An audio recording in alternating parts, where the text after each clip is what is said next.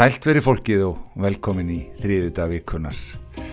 Við erum að rúla af stað í þáttnum 23 sem er í góðu samstarfi akureyri.net og þökkum við vel fyrir það sem að byrtir alltaf uh, útrátt og, og slóð á þættina.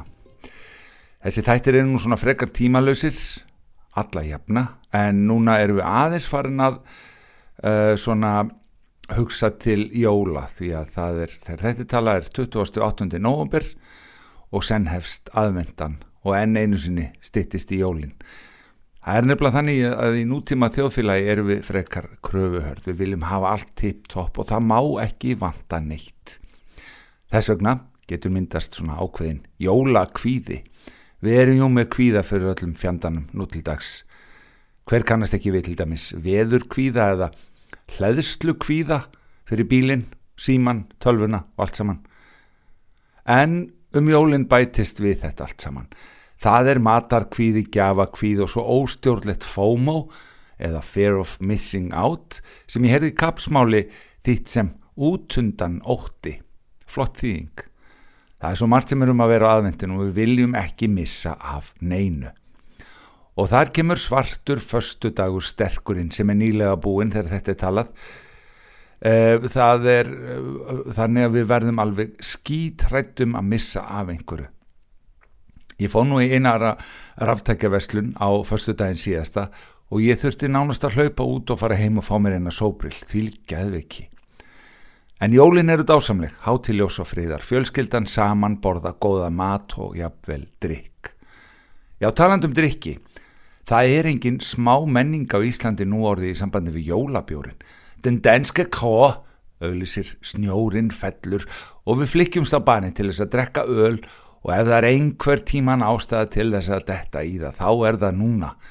Og við drekkum jólabjóra allaðvinduna og jólapartíun og annan í jólum þarf það að fara innanlega í skápin og náði í XXL skirturnaðinnar. Væri ekki réttar að væri öfugt þegar jólafastan er nýlega af staðin eða yfir staðin. Jólafasta, í mínum bókum er að fasta eitthvað sem að þú sleppir að borða eða, eða drekku bara vatn og, og borða lítið. En svo er það jólalögin, dásamlitt alverðindir að léttbylgjan byrjar að spila jólalögin sem er nú orðið í kringum 10. november. Það er svolítið snemt og þú laumast til þess að hlusta annars slæð og glæðst yfir því að heyra fallegu jólalögin. Í byrjun des er þau samt að verða pínulítið þreytandi og í miðan des þegar þú heyrir Paul McCartney syngja Simply having a wonderful Christmas time þá getið þú mögulega að kasta útvarpinnin út úr gluggan. En jólin eru samt ásamleg. Við fáum gafir en gefum líka gafir og sætlir að gefa en þykja. En ég mæli með að þið setja alltaf skiptimiða á jólagjöfuna eða skilamiða. Það er vissara. Fólk getur átt hlutin sem þú ert að gefa eða stærðir hafa breyst ef þetta er fatnaður. Og meira sé ef þú heldur að þú sért að slá í gegn þá skaltu sko ekki treyst á það.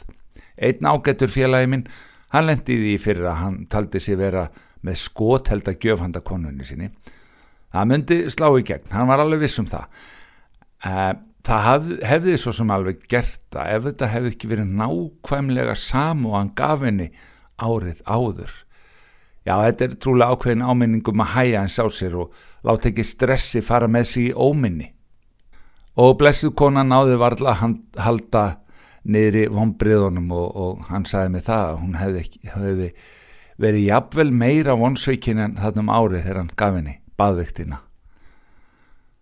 Það er einmitt að hitta á gafirnar og þú færið anskotan ekkert fyrir tífuskallin í dag. En kaupminn hafa fundir ráð fyrir því, við því. Þú borgar bara í februar, einmitt. Jafnvel þó að sé vakstalust, þá þartu samt alltaf að borga það í februar.